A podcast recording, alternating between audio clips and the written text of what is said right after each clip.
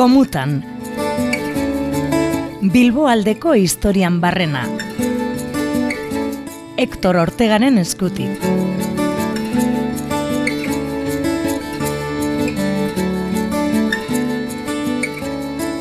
Emeretzi garren mendean, kantu batek ereserki kategoria lortu zuen Euskaldunon artean. Bilbo aldean sarri kantatu zuten, baina Afrikan eta are Ameriketan ere behin baino gehiagotan entzun zuten. Antzadanez, aiaiai mutilak Karlisten gerra kantulez jaio zen. Ezaztu Karlisten gerra oiua aurrera mutilak zela. Aldarri hori beldurgarri bihurtzen zutela liberalen posizioak eraso orduko. Bada, jatorri gerlasale horretatik, aiaiai mutilak emeretzigarren mendeko musika arrakastarik handiena bilakatu zen gurean, Gernikako arbola baino lehenago Euskaldunen ikur eta ereserki bihurtu arte. Izatez, erritmo biziko doinua zen, eta lelo nagusiari nahi beste estrofa eranzten zizkioten.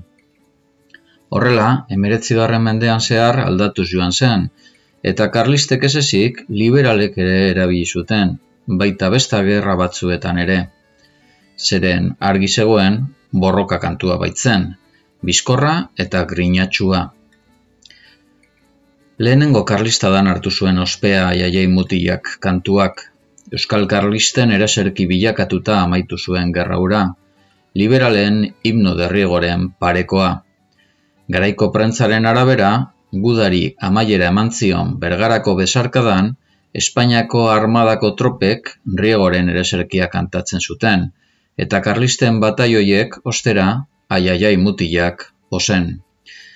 Baina Euskal Doinuark erdiatzi zuen fama hain izan zen handia esen Euskal Liberalek ere erabili baitzuten, hitzak haien aldera aldatuta. Guda amaituta, oi hartzunak Espainiara ere zabaldu ziren, eta laster hasi ziren erdaraz ere koplak kantatzen Madrilen, Aragoin eta are Katalunian ere. Jakina, Bilbon sarritan entzun zen. Adibidez, mila sortzi ondabarro eta bateko irailean, Pedro Maria Unanue ondarrutar tenore ospetsuak kontzertu eman zuen Bilboko antzokian. Amaieran, Euskarazko kantuak abestu zituen, tartean, Bergarako besarkadaren omenezko sortziko berria.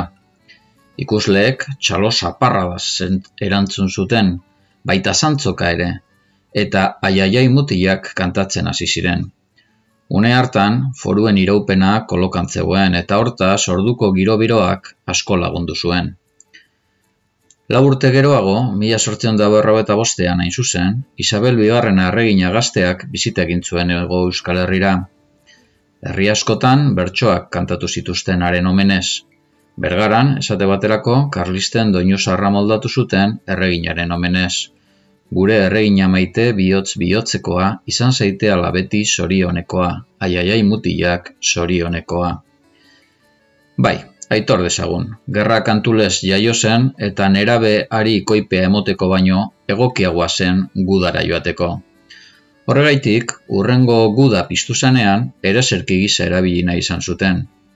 Gerra hura Marokon piztu zuen Espainiar kolonialismoak, eta Araba Bizkaia eta Gipuzkoako foru erakundeek fideltasun erakustaldia eman nahian Euskaldun voluntarioak bidaltzea erabaki zuten. Bilbon, mila sortzi da berro eta emeretziko azaroaren amairuan, Diputazioa Gernikako batzarretatik bueltan heldu zenean, gerrazaleek manifestazioa egin zuten, albistearekin pozarren Egunkarietan irakurri dugunez, iruriunen bat lagun ibili zen kalerik kale txaranga batekin, aiaiai mutilak bibalantzeruak kantatuz. Urrengo hilabetetan, Bilbotik Afrika iparraldera atea ziren Euskal Tertzioen despedidetan, sarritan jo zuten ereserkia. Eta leloa moldatu ere egin zuten, gerra berrirako, aiaiai mutilak, biba bizkaitarrak, aiaiai mutilak, muera marruekuak. Gerra hura lastera amaitu zen eta mutilak etzera itzuli ziren. Baina Euskal Herrian giroa gaiztotzen hasi zen.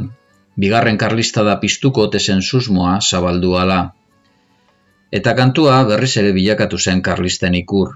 Mila sortzi da irurogeta marreko ekaineko azken domekan, Iluntzean, manifestazio karlista egin zuten Bilbon. Irururogeta marren bat gazte, kalerik kale ibili zen, aiaiai mutilak eta karlisten aldeko beste kantu batzuk abesten, eta harriekin sarata egiten. Kantua, gerraren iragarle, orain honetan. Miguel Unamunok ere, Pazen la Guerra novelan, aiaiai mutilak Bilbo inguruko txakolindeietan sarri entzuten zela kontatu zuen. Gerra lehertu zen, eta kantua bere goren eraitzuli zen. Azpitiko neskatxak arrazoiarekin ez dute dantzatu nahi txapelgorriekin, aiaiai mutilak txapelgorriekin.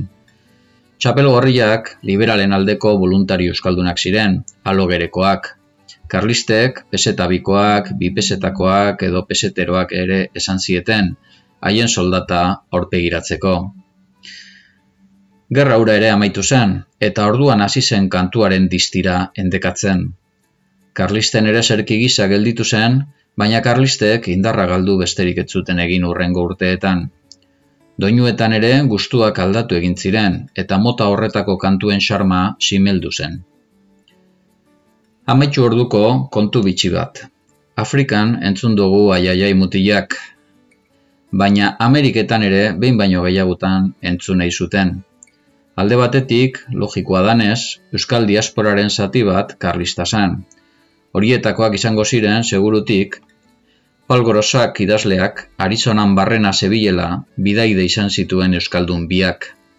Del Plata Alniagara liburuan kontatu zuenez, Juma indiar batek, biolinaz jo zuen karlisten kantua, eta Euskaldunek berehala ezagutu eta kantatu egin zuten.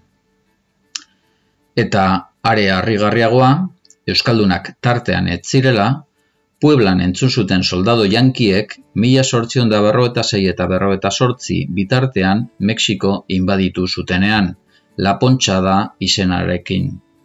Albert Gaiatin Braket militarrak kanpaina haren gainean idatzi zuen liburuan kontatu zuenez.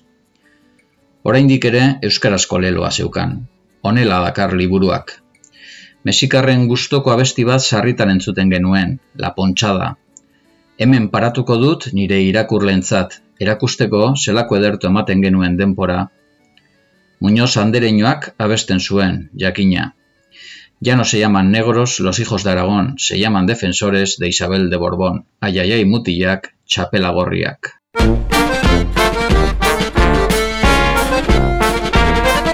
Azpeitiko neska txakarra zoiarekin Azpeitiko neska txakarra zoiarekin Ez dute dantzatu nahi txapel gorriekin. Ai ai ai mutilak txapel gorriekin. Ai ai ai mutilak txapel gorriekin.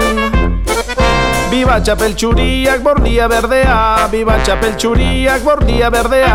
Zaldi batean dator Don Carlos gurea. Don Carlos maitea Gure erregea. Don Carlos maitea Gure erregea Viva Don Carlos eta Doña Margarita. Viva Don Carlos eta Doña Margarita. Viva Errijillua, fuera República, fuera República. Viva Margarita, fuera República. Viva Margarita. Gobernuak baditu bi pezetakuak Gobernuak baditu bi pezetakuak Bai eta Don Carlosek voluntarioak Voluntarioak ez jornaleruak Voluntarioak ez jornaleruak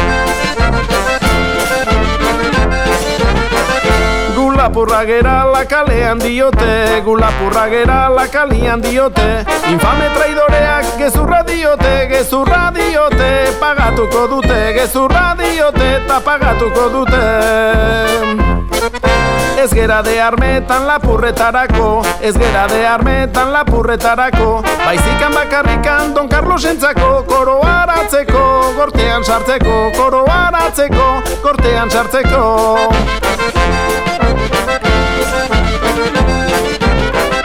Don Carlosek eman du frantzitik ordena Don Carlosek eman du frantzitik ordena. Txamponean saltzeko beltzetan onena Beltzetan onena. Frantzitik ordena Beltzetan onena Frantzitik ordena Txamponean ezikan arditean ere Txamponean ezikan arditean ere. Estelako kanpotan dozenaka daude Dozenaka daude Arditean ere Dozenaka daude Arditean ere Arditean ere. Azpeitiko neska txakarrazoiarekin Azpeitiko neska txakarrazoiarekin Ez dute dantzatu nahi Kristino beltzakin. Ai ai ai mutilak Kristino beltzakin. Ai ai ai mutilak Kristino beltzakin